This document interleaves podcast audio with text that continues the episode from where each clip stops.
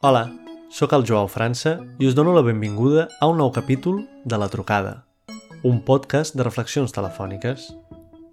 Avui truquem a la Carmen Juárez, una de les fundadores de l'associació Mujeres Migrantes Diverses. La Carmen va arribar a Barcelona amb 19 anys fugint de la violència a Honduras, però com tantes altres persones migrants, no podia tenir accés al mercat de treball regular. Per això, durant 6 anys va haver de treballar com a cuidadora interna a càrrec d'una persona gran. Després d'anys de lluita pels drets de les treballadores de la llar, actualment és responsable a l'àrea de precarietat i noves realitats del treball del Sindicat Comissions Obreres a Catalunya. Avui parlarem sobre precarietat laboral. Truquem a la Carme.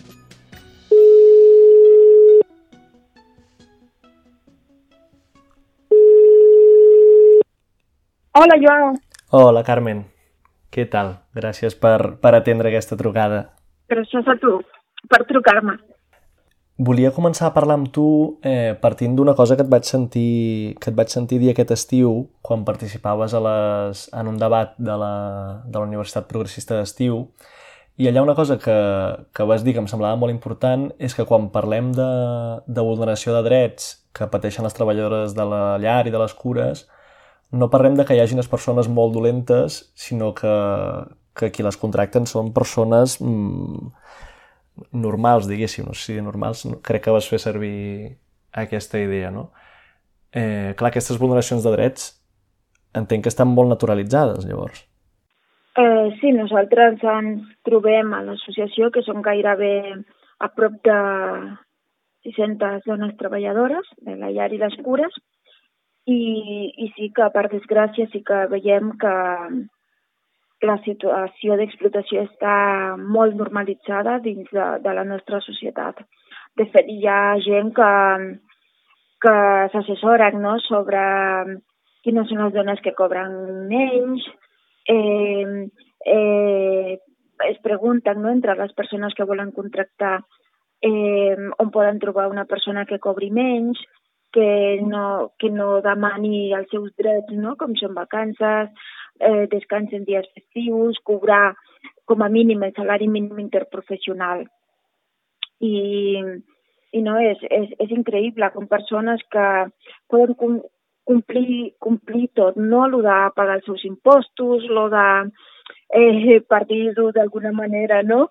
Eh, no tractar mal ningú, no embrutar el carrer, de, de complir no? totes aquelles normatives per funcionar com a, com a societat però quan han de contractar una persona, ja sigui per cuidar les criatures, per cuidar la gent gran, eh, sí que això, no, entre menys paguen, millor, segons la, la lògica no, de moltes persones, per desgràcia, la gran majoria.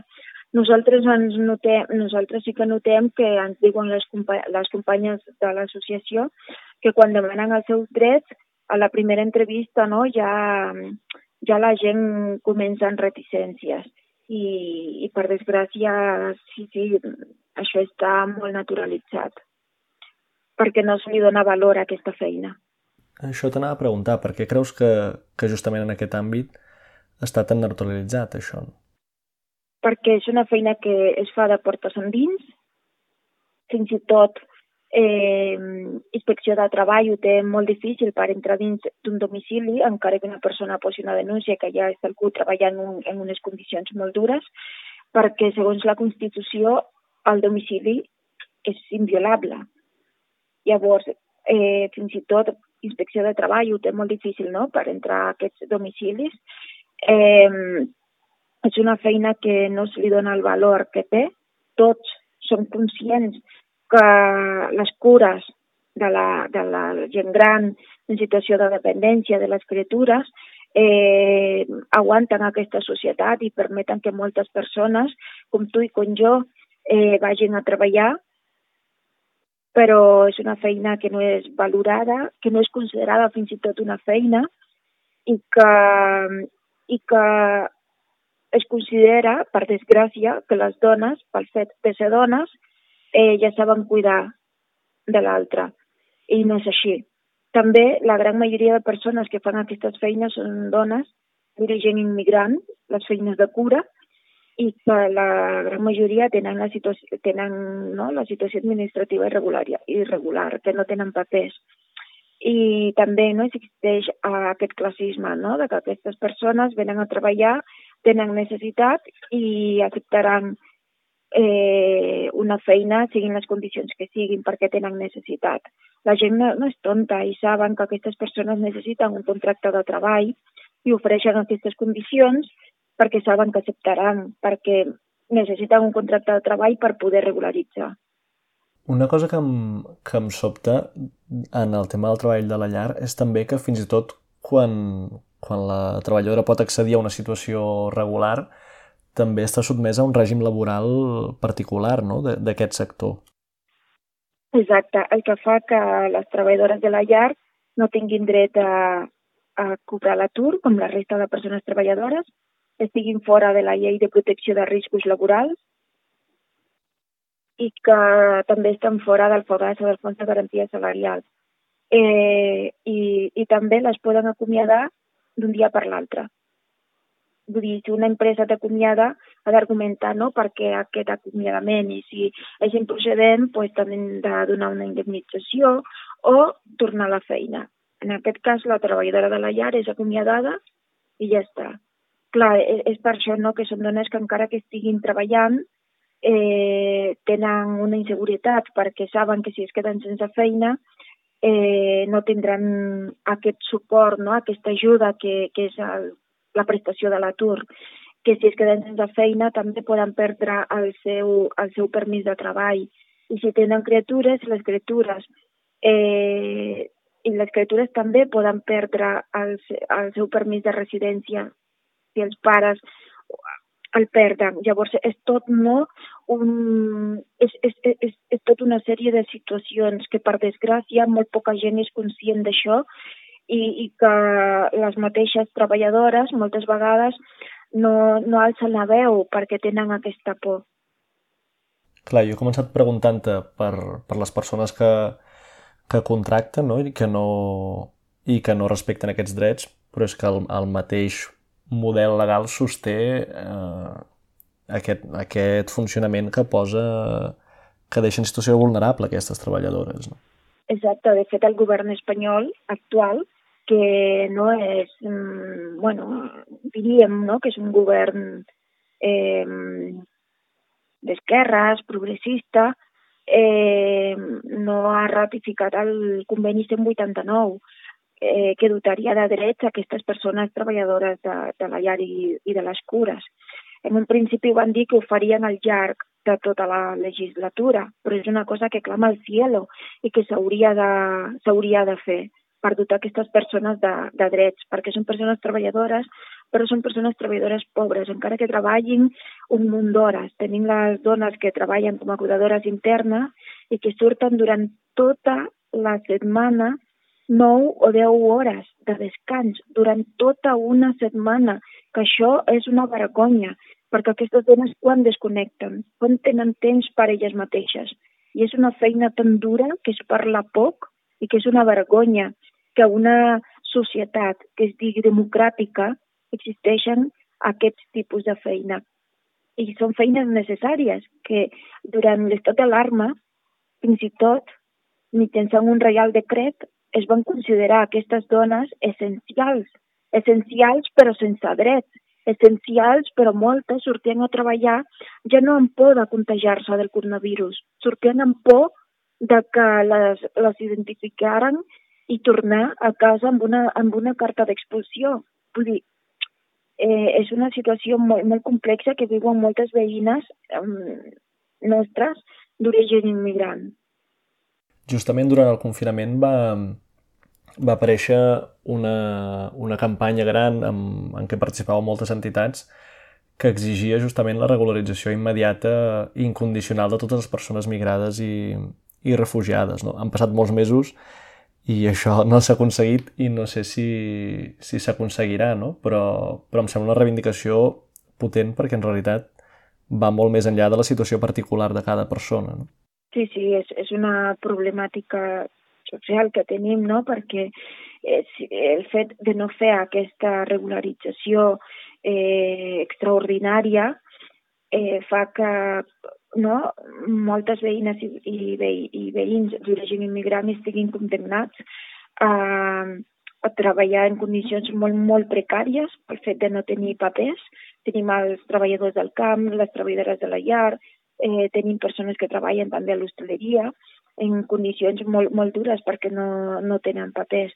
I, i és una, i, i fer aquesta regularització és de justícia social, no? Diem que fem gala, no?, de que vivim en una societat acollidora, una societat democràtica, però tenim persones en aquestes condicions, vull dir, ens allunya molt d'allò de, de, de que, no?, diem, de que fem, de, de, de que fem gala tenim un, un govern que, que no està fent cas d'aquestes reivindicacions, que no són només de les persones d'origen immigrant, són moltes les associacions, les organitzacions que estan demanant aquesta regularització, sindicats, associacions de, de drets humans, però sí, sí, per desgràcia, Itàlia i Portugal van fer aquesta regularització, que no és la que demanem nosaltres, però com a mínim no han donat aquest pas i, i, han, i han dotat de drets a, a, a persones, a veïnes i, i veïns. En canvi, aquí tenim un govern que, que no, no fa cas d'aquesta reivindicació de tantes persones. I, i tu actualment, eh, a part de l'associacionisme, estàs també dins el món sindical, no? Ets responsable a l'àrea de, de precarietat i noves realitats del treball a, a comissions obreres, però en realitat quan parlàvem abans de tenir de tenir aquesta conversa em deies que aquestes noves realitats potser no són tan, tan noves, no? No sé què és nou i què no ho és, no?, en aquestes, en aquestes realitats del treball més precàries. Sí, sí, jo el que, el que jo penso és que s'han transformat, no és que siguin tan noves, no? Ara veiem a, a una persona que treballa com a repartidora per a una plataforma de eh, Globo, de Libero, Uber, i pensem no, en, que això és molt nou no, en el paradigma de la precarietat, però eh, parlant amb una persona companya no, dels sindicats m'explicava que ja fa anys no, que, que existeixen els repartidors de Telepizza, no, d'aquestes cadenes, i que abans rebien, rebien un missatge per anar a entregar una, una pizza a tal domicili en canvi, ara és el mateix, però és un repartidor que, que ho fa a través d'una un, plataforma no? de, de, de, que té el seu mòbil, però és, és, és la mateixa situació de manca de drets, no? de, de, de precarietat. I no, no és tan nou. El que jo crec és que aquestes empreses volen vendre això, que és tan nou, que és, disruptiu i que s'ha de fer una legislació nova, perquè, clar, no, això és tan nou, però no és tan nou, no? I jo crec que el que hem de fer és, bueno, regularitzar aquest sector i dotar les persones de drets, perquè no pot ser que aquestes plataformes eh, es venen com a noves, disruptives, com a economia col·laborativa, i quan, no, del segle, 20, del segle XXI, quan estan, es, es, es, estan oferint eh, estem oferint feines en condicions del segle XX, del segle, del segle XX. Llavors, home, jo crec que hem de reflexionar una, una mica i i hem d'organitzar aquests treballadors, informar-los de quins són els seus drets i, i, i també pressionar el govern per, per regular aquest sector, no només dels, dels treballadors de repartiment, eh? són molts els sectors que, bueno, que estan vivint situacions de precarietat. Que en aquest cas del, del repartiment també hi ha un punt que són condicions que, que s'accepten en molts casos per la manca d'accés a, a altres possibilitats laborals, no? També sovint per tema de, de permís de treball. Exacte. Nosaltres ara estem a comissions, estem desenvolupant un projecte adreçat a, adreçat a treballadors de repartiment de plataformes digitals de Globo, de Libero, Uber, Justit, i sí que el que ens trobem és que són nois i noies molt joves, que la gran majoria són d'origen immigrant, que no tenen la seva situació administrativa irregular, que, que per poder treballar han de llogar un compte a una altra persona, que sí que està donada d'alta com a autònoma, que a sobre han de pagar per poder aconseguir hores i poder treballar, en el cas dels treballadors de Globo, que han de pagar 50 euros al mes i això no tenen garantit que rebran comandes durant aquestes hores que treballin. Eh, clar, això suposa que aquestes persones no saben quan cobraran eh, a final de mes, tenen poc temps per poder entregar una comanda, hi ha un control, hi ha un control eh, fèrrio, no?, que diríem, d'aquestes plataformes. Això a, acaba repercutint no, en situacions d'estrès, accidents al carrer, eh, coneixement de la normativa viària de, la, de, de Catalunya, el que fa que també eh, els acabin multant. Vull dir, és, és, és, una situació que, que viuen aquests treballadors no? molt, molt complexa i de manca de, de dret total. És per això que nosaltres hem fet aquest, eh, aquest taller adreçats per a aquests treballadors i, i sí que hi ha molt d'interès en, no, en conèixer els seus drets, en millorar les seves condicions, estan participant moltíssim, són, molt, són molt puntuals, hem obert vuit uh, places per a, per, en cada grup per poder garantir les mesures sanitàries i sí, sí, tenen moltes ganes d'aprendre.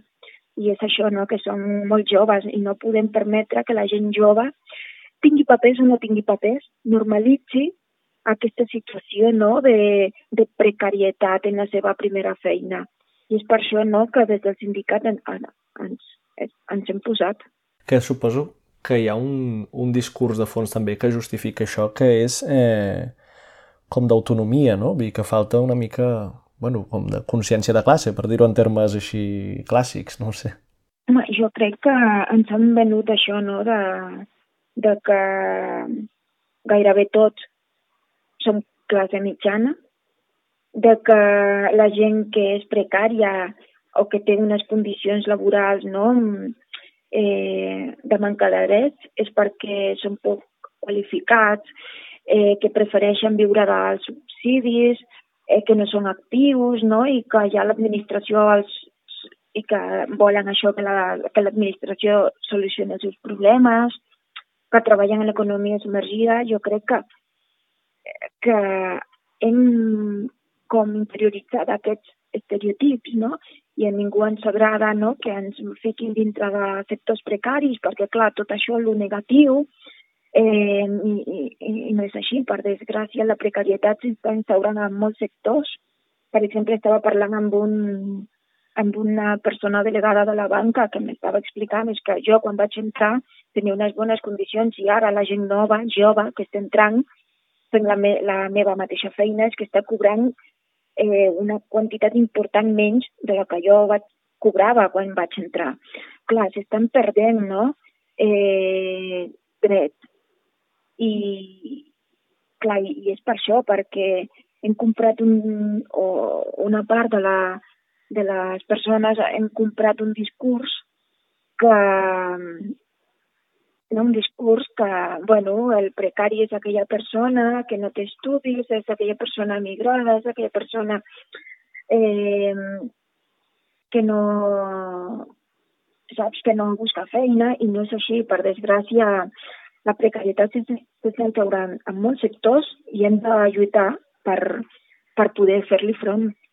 Ens hem d'organitzar el nostre centre de treball amb els nostres companys i companyes però per desgràcia no, aquest individualisme també, que si arribes lluny és perquè t'has esforçat, és, no, i si arribem i si arribem lluny és perquè hem tingut molta gent que ens ha ajudat durant, el, durant aquest camí. I jo crec que l'individualisme també és, és, és, és, és un perill. Com aquesta idea de, de la precarietat, jo una qüestió que, que vaig donant voltes últimament és si, si ens és útil com ficar moltes coses diferents en el, en el mateix sac, no? perquè el meu sector, per exemple, que és el, el del periodisme, eh, en què les condicions laborals s'han deteriorat molt en, en l'última dècada, eh, no sé si ho hauríem de posar en el mateix sac que persones treballadores pobres, no?, que, que comentàvem abans. No sé si ens és útil posar-ho tot junt, tot i que haguem de lluitar conjuntament, no? Ma, jo crec que sí que hi ha gent que té situacions, no?, situacions laborals més dures que, que, que altres, però això no, no vol dir no, de, de fer grups i, i, sub, i subgrups, perquè és que el que estem fent és dividint la classe treballadora i al cap i a la fi som, totes, som tots i totes persones treballadores. Per tant, eh, fer aquesta divisió entre qui és més precari, pues, jo crec que el que hem de ser conscients és de que la precarietat eh, existeix, s'està instaurant a molts sectors i entre tots li hem de fer front, perquè si no correm el risc de que a una empresa si hi ha treballadors contractats directament per l'empresa, hi ha persones subcontractades, ja sigui de segure, personal de seguretat, de neteja, eh, farem aquesta divisió, no? I, i quan eh, i quan les persones contractades fixes lluitin per millorar les seves condicions, clar, no pensaran en les condicions laborals del seu company del centre de treball, però que és subcontractat. I, i vull dir, a, a, això debilita la lluita i el que, hem de, el que hem de fer és tenir en compte que tots som persones treballadores i hem de lluitar pels drets de tots, perquè si no, eh, la precarietat, vull dir, l'empresari, bueno, farà aquest joc i el que hem de fer és, és això, no? Eh, lluitar tots junts, sense fer aquesta divisió de qui és més precari que qui. Sí, no ho deia tant en el sentit de, de dividir-nos, no? sinó de, com de poder anomenar les coses, no? Vull dir que, bueno, no ho sé, si posar-nos a tots en el mateix sac ajuda qui està més a baix o no, no? O, o invisibilitza, no ho sé. Jo crec que, que és, és, és això, no? no? No fer aquesta divisió, sinó una, una lluita conjunta. Si, si a la nostra empresa tenim personal subcontractat i, i fan una manifestació o fan alguna cosa per visibilitzar les seves condicions, eh, clar, la resta de treballadors del seu centre de treball en què siguin contractats per la mateixa empresa haurien de donar-li suport, perquè ara són, són els, els treballadors de la subcontractació, però és que demà poden ser ells, no? I, i és per això, no?, de, de donar suport a, a totes les lluites per millorar les condicions laborals. Sí, suposo que un, que un repte que us trobeu és què fer quan el centre de treball no és un centre de treball clàssic, no? Vull dir, o és la casa d'algú altre, o és una cantonada on està tothom amb les bicicletes, no? Que com, com es genera l'organització en aquest cas, no? Suposo que és més difícil. Home, mm, sí, és... No, no, no, no, és que sigui més, més difícil, perquè al cap i a la fi les persones eh, tinguin centre de treball, sigui un treballador rider o sigui un treballador del parc del Burger King o sigui una, treball, una treballadora d'una botiga, eh, tenim les mateixes necessitats, no? Volem un sou digne, volem unes condicions laborals dignes, eh, volem treballar en condicions que no, que no afectin la nostra salut.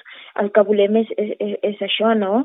Eh, unes condicions pues, laborals dignes i, i, i sí que sí que quan tens unes persones organitzades a l'empresa, eh, no és que ho tinguis més fàcil, no? però tens allà totes les persones. En canvi, quan no existeix un centre de treball, bueno, has de, has de, pens has de pensar d'una altra manera de com poder organitzar-los. Però ja t'ho dic, les persones tenim no, les mateixes necessitats, sigui un treballador rider o una treballadora d'una botiga o d'una fàbrica. I al cap i a la fi el que hem de saber és quines són les necessitats d'aquestes persones per poder, per poder organitzar-les. Per exemple, amb els treballadors de repartiment van fer una campanya de difusió de, del taller que van començar ara al setembre, una campanya de difusió i van anar a buscar-los pues, allà on esperaven les comandes, davant dels restaurants, davant del súper de Globo, i van anar a parlar amb ells quines eren les seves necessitats, eh, que, que era allò que els interessaria per millorar les seves condicions laborals i, i, és, i aquest taller el que, el que és el resultat no? és el resultat d'aquestes converses, de tenir en compte les necessitats de les persones treballadores i donar resposta no, a aquestes necessitats. Per exemple, ens, han, en, ens van dir, mira, nosaltres eh, treballem moltes hores, tenim bicicletes que no, no, no estan adaptades per treballar tantes hores i, i bueno, tenim a vegades problemes de reparació i del manteniment de la bicicleta, perquè com que som autònoms, segons l'empresa, eh, és el treballador qui s'ha de fer càrrec de, del, del vehicle, no és l'empresa. Llavors, eh, bueno, hem fet un taller de reparació i manteniment de bicicleta. Eh, també eh, aquest taller inclou eh, informació en temes de drets laborals, salut laboral, temes d'estrangeria, temes de normativa viària, tot això són demandes de les mateixes persones treballadores bueno, jo crec que és, és això, no? Anar a, anar a buscar les persones i parlar amb elles i conèixer quines són les seves necessitats. I que potser la porta per l'organització no?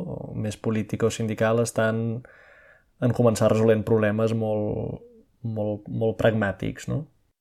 Sí, molt, coses molt pràctiques i, i, que, i que els treballadors veïn no, que el sindicat dona resposta a les seves, a les seves necessitats. I en el cas del, del treball de la llar, jo tinc la sensació que en els últims anys cada cop hi ha més, més associacions, no? com a mínim a Catalunya, de, de treballadores que estan com organitzant-se i lluitant amb aquest tema.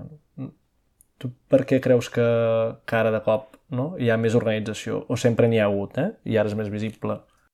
Home, jo conec una dona que ja és de, de Galícia i que va, va arribar a Catalunya de, no, de molt joveneta a treballar una cosa.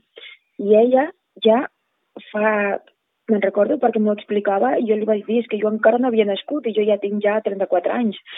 Eh, no? I, i ja m'explicava no, com s'organitzaven, com quedaven, no? com, com entre elles eh, quedaven quan anaven a, la, a acompanyar la, a, els fills de la família, no?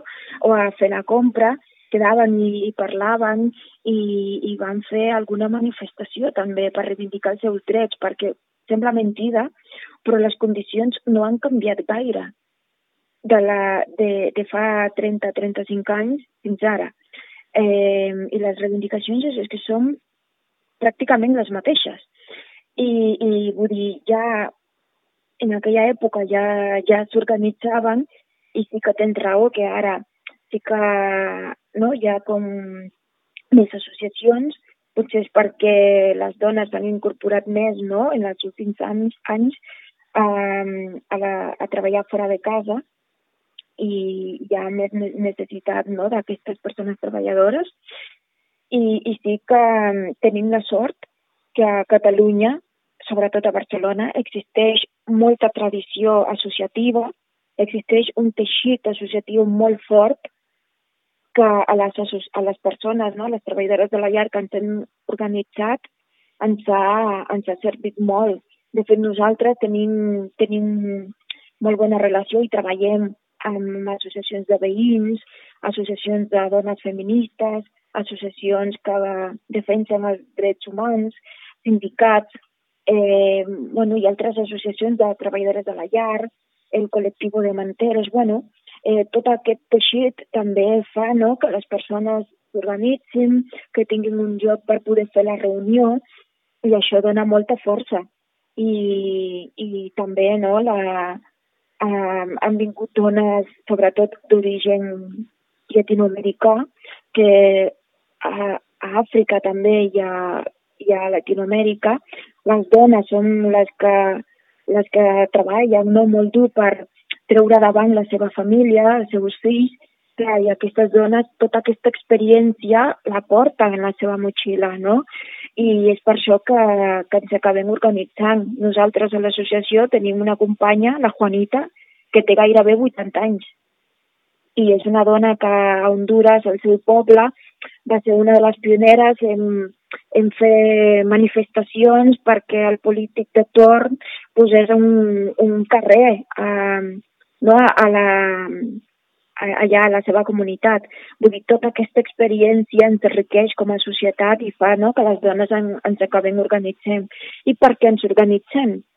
Perquè aquestes feines de treballadores de, de la llar i les cures són feines molt dures que es fan en condicions de manca de, de, de drets i que acaben repercutint en, en tota l'esfera no, de la dona, en l'esfera biopsicosocial, acaben desenvolupant problemes no, d'autoestima, problemes d'estrès, cansanci, i, i, i tot això sense rebre cap tipus d'atenció mèdica ni seguiment mèdic, perquè les dones que treballen com a internes no tenen dret ni per anar al metge, i moltes per anar al metge s'han de portar la persona que cuiden. Vull dir, és, és esclavatge a la nostra societat.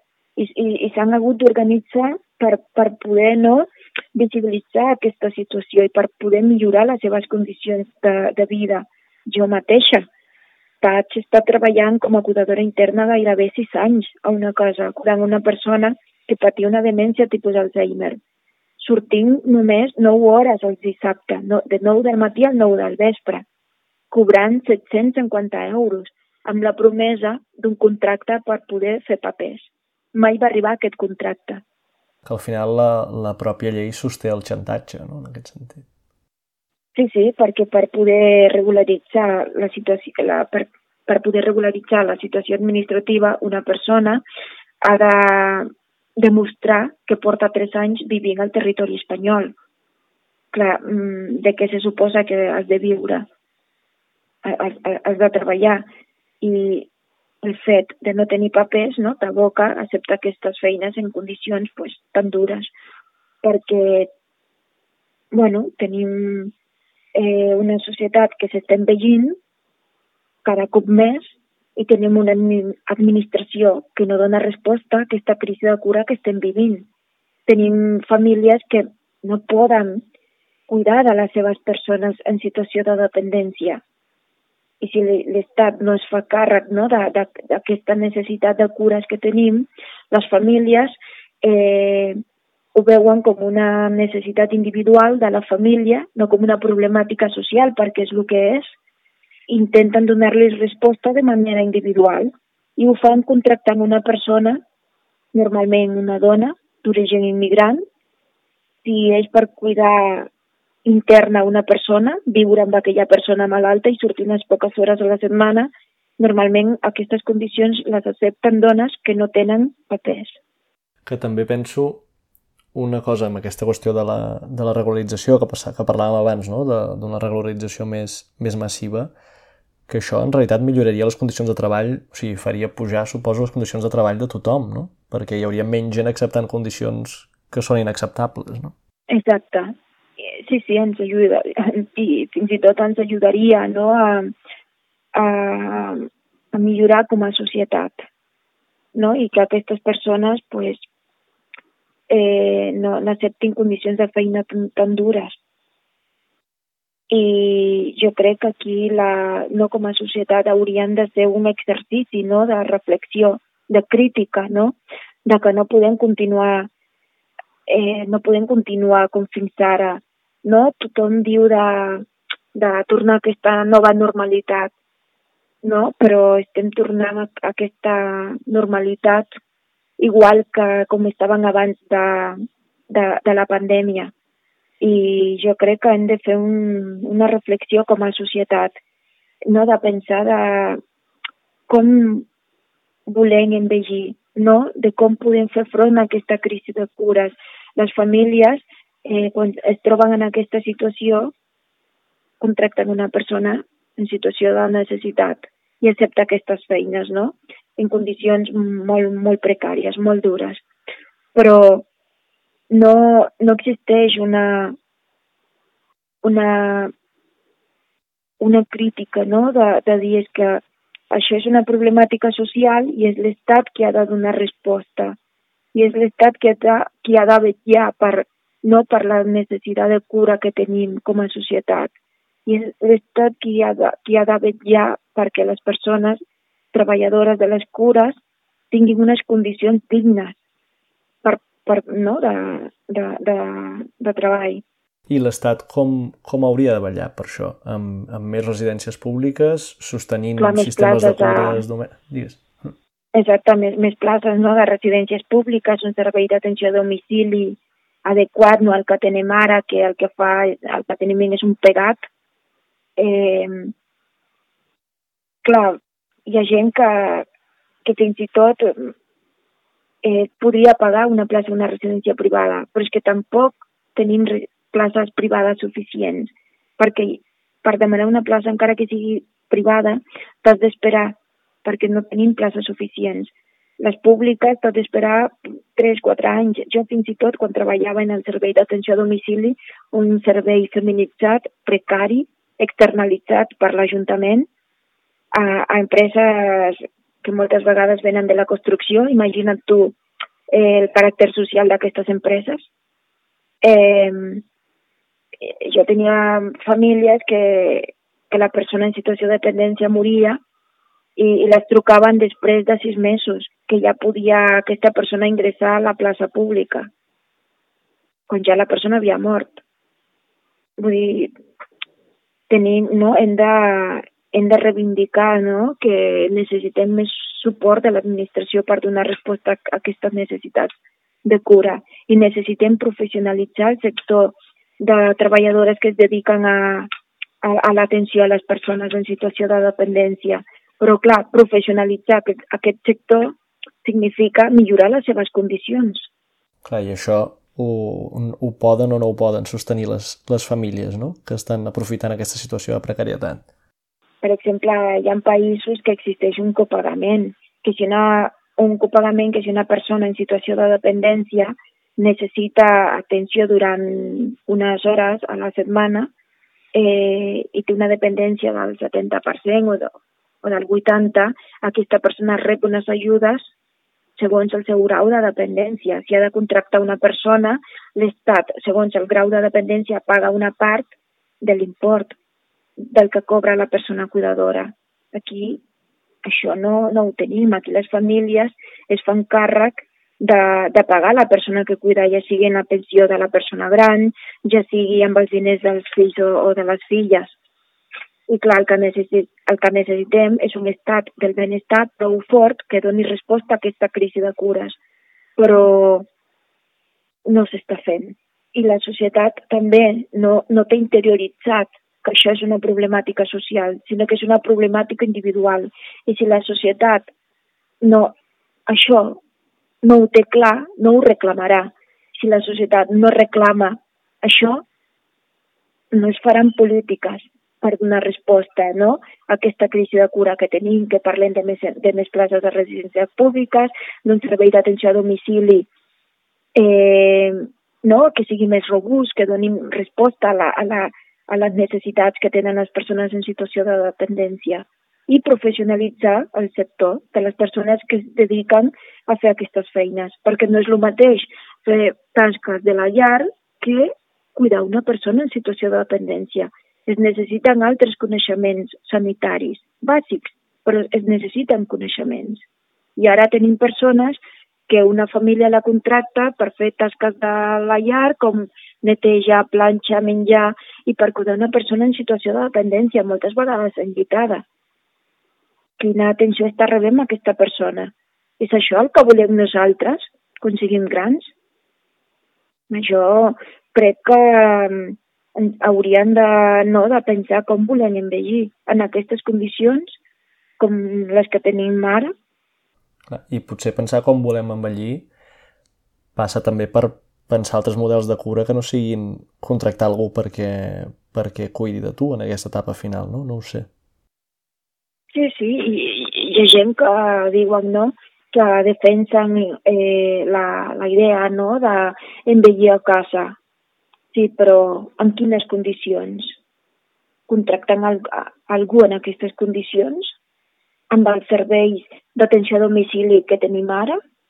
Que hi ha persones que tenen una hora a la setmana o com a molt tres hores? o un servei residencial concertat o privat que primen els guanys i no l'atenció a les persones? Jo mateixa vaig estar treballant a una residència que per, poder, per portar les persones al lavabo teníem una hora al matí i una altra a la tarda. I, bueno, si, si és una persona que té un Parkinson o, o, o que no, és, és, és igual que, que estigui bé a nivell cognitiu i vol anar al lavabo una, no, fora d'aquest horari no pot. I jo, aquestes cures són les que jo, jo no m'agradaria per mi. I això pagant una plaça o una residència. Necessitem un altre model de, de cures, això està clar. Un model que posi al centre la vida, les persones. Carmen, portem 40 minuts xerrant i per anar acabant jo et volia, volia reprendre una qüestió que has plantejat que és la, la de la memòria, no? Em deies aquest cas d'una d'una dona que havia estat treballadora a la llar i ja s'havia hagut d'organitzar fa més de 30 anys, no? Eh, tu creus que hi ha memòria en, en aquest sector, o fins i tot em deies el sector del, del repartiment, no? Tenim memòria d'aquestes lluites que ens serveixi per organitzar-nos avui o, o és una mancança això també? Jo crec que, per desgràcia, tenim molt poca memòria i perquè tenim molt poca memòria eh, no ens oblidem de tantes coses de, de la gent no? que, creuava, que, creu, que, que va creuar els Pirineus fugint de, no, del franquisme, buscant refugi a, a altres països, no? a França, creuant els Pirineus. Ara arriben persones de, no, de molts països que estan en conflicte, fugint, buscant refugi i arriben a casa nostra i, i les tractem no, de, les tractem molt malament, no? A vegades les mirem com el perill, com persones violentes, no, la, no les mirem no? com persones que tenen dret a començar de nou, a trobar un lloc segur, a, a viure. No les mirem com, com nosaltres. Com jo vaig arribar aquí fugint de la violència d'Honduras i vaig trobar bueno, una ciutat no, de, per poder començar de nou. Per desgràcia no tenim vies segures no? i eh, l'asil, eh, Espanya és un dels països que, que rebutja no? més peticions d'asil eh, tenim molt poca memòria, no? Tenim molt poca memòria de les dones treballadores de les cures que es van organitzar, que van lluitar pels seus drets, no? Jo crec que hem de recuperar totes aquestes memòries que ens ajudaran a ser millors, millor persones. Espero que les puguem tenir, tenir més presents, no? Moltes gràcies, sí. Carmen. Un plaer parlar amb tu. Igual, moltes gràcies a tu, Joao. Se m'ha fet molt, molt curtet aquesta estoneta. Gràcies. que bé, doncs seguirem parlant. Una abraçada. Una abraçada. Fins aviat. Fins aviat. Adeu.